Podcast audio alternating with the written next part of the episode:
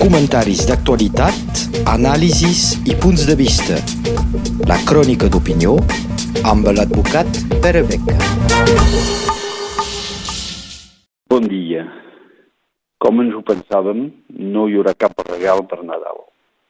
El fet d'aquesta setmana és que el Tribunal Suprem espanyol, una vegada més, fent aplicació dura de la seva jurisprudència, ha anul·lat el permís que tenien els presos polítics catalans de complir llur càstig en règim de semillibertat. Això potser s'ha d'explicar una mica. Més o menys, el Còdic de Procediment Penal i d'Execució de Penes eh, de l'estat espanyol preveu tres categories per executar els càstigs de presó que poden ser pronunciats per qualsevol tribunal. Per dir-ho senzillament, hi ha la presó clàssica, és a dir, que el pres compleix el seu temps fins que s'hagi acabat. Hi ha una presó a sortida de possibilitats de sortides puntuals, per un esdeveniment familiar, per, per exemple, assistir a una, una festa familiar o alguna cosa d'aquestes, que això ho pot decidir el jutge d'aplicació de penes. I després hi ha el règim de semillibertat. El règim de semillibertat vol dir que els presos poden sortir o diàriament i tornar al vespre a la presó, o hasta alguns dies a la setmana i tornar als finals de setmana a la presó, tant i com justifiquen tenir un treball, fent una feina de reinserció social, estic parlant de casos normals, condemnats amb normalitat, i tot això baix el control d'un jutge eh, que a l'estat francès es diu, es diu jutge de l'aplicació de penes. Tots els presos tenim aquest règim número 3, és a dir, otorgada la possibilitat per les jurisdiccions dels llocs on estaven complint la seva pena de detenció, és a dir, concretament jurisdiccions catalanes, de poder sortir, tant i com van poder justificar, d'una feina i d'una sèrie de garanties de representació. Aquesta decisió és una decisió d'administració judicial presa per els jutges, els mateixos jutges, dels llocs de detenció. Però això va ser impugnat per la Fiscalia i crec també per Vox, que sempre, sempre està molt atent de tot el que està passant en aquests casos. Siguent impugnats, torna la decisió com jurisdicció d'apel·lació a la mateixa jurisdicció que ha pronunciat la pena, és a dir, en aquest cas, el Tribunal Suprem. I aquest tribunal, sense cap sorpresa, tothom s'hi esperava, ho ha anul·lat. Hi ha dos aspectes en aquesta feina de tipus eh, de procediment penal. Hi ha un aspecte formal i un aspecte moral. En l'aspecte formal s'ha de contemplar que, mm, d'un cert punt de vista, purament legalista, els jutges podien perfectament anul·lar aquesta decisió. Podien fer-ho perquè el Còdic preveu que, en la majoria dels casos, no pot haver-hi mm, mires d'alleujament de la, la pena de presó, és a dir, de l'empresonament permanent, tant i com no s'ha complert com a mínim la meitat de la pena. I en aquest cas, cap no havia complert aquesta meitat, encara que es pugui tenir en compte la fase preventiva de, de, de detenció, és a dir, entre el moment d'entrar a la presó i el moment que es va dictar sentència.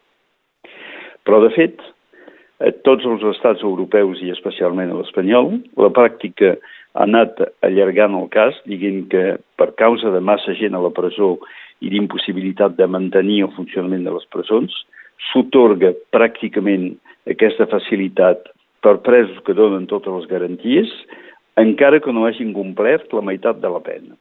És a dir, que el que van decidir les jurisdiccions catalanes dels llocs de detenció no era purament l'aplicació de la llei, sinó l'aplicació de la pràctica judicial en aquell moment.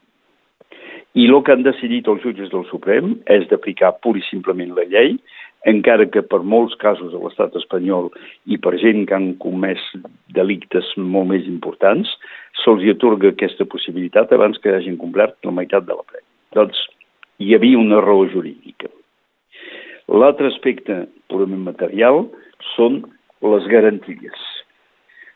Donaven tots els preus les garanties d'una feina, contractes de treball, amb feina reconeguda, sense cap lligam amb la seva activitat prèvia, i podien donar totes les garanties que fessin falta, es podien imaginar fiances, es podien imaginar una quantitat de coses. Però, de fet, què diu el Tribunal Suprem? És que hi hauria un perill que aquests mateixos presos marxessin de l'estat espanyol. Cap ho ha fet, sinó que més que això han comparegut voluntàriament davant dels jutges al començament del procediment. Recordeu que quan Puigdemont, eh, Comín i alguns altres van marxar a l'exili, alguns d'ells, crec que Turull, com a mínim, van marxar amb ells i després van tornar voluntàriament. Mentre en Junqueras, ell va decidir quedar-se, suposo perquè mai es pensava que això tindria aquestes conseqüències penals tan dures. Però cap no ha provat de fugir a Espanya, cap no ha provat de marxar, cap no ha provat de sostreure a, a, la, a la garantia de l'execució de la pena.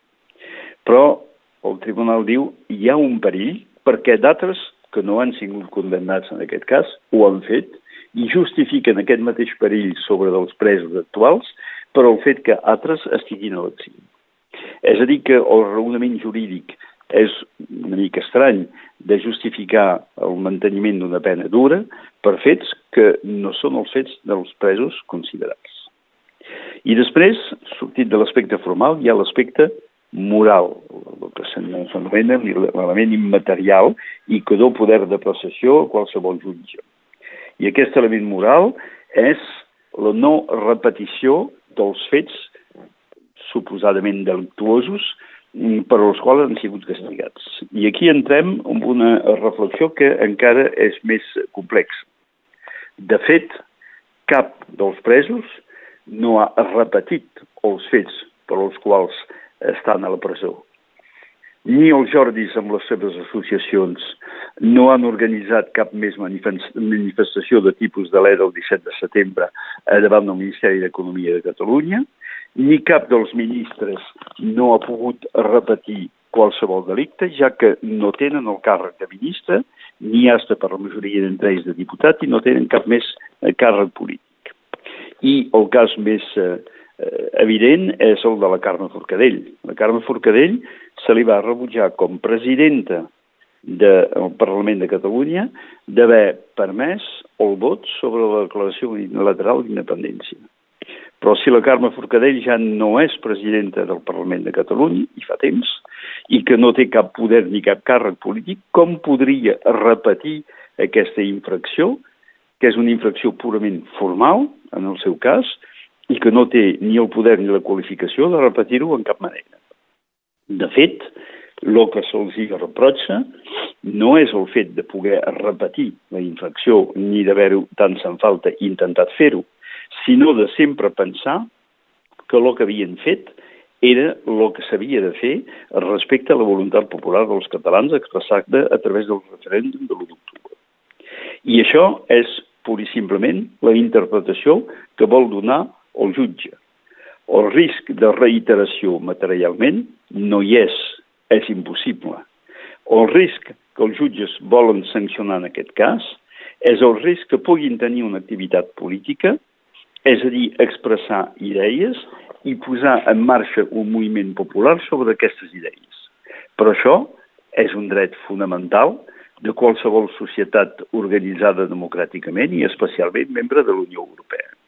I d'això sembla que cap país d'Europa no es preocupi en aquests moments. Llavors que estem assistint pas després de pas al desmuntatge total del sistema jurídic penal dels estats d'Europa Occidental.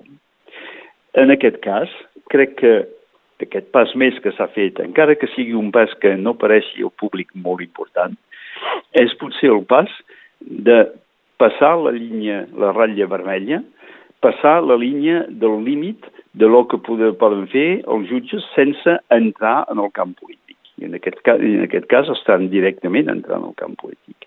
Per tant, d'això em sembla que ens hauríem d'indignar tots més, i especialment els polítics que es diuen democrats, que sigui a, la, a Catalunya, a l'estat espanyol o fins i tot a l'estat francès. Moltes gràcies. Comentaris d'actualitat, anàlisis i punts de vista. La crònica d'opinió amb l'advocat Pere Beca.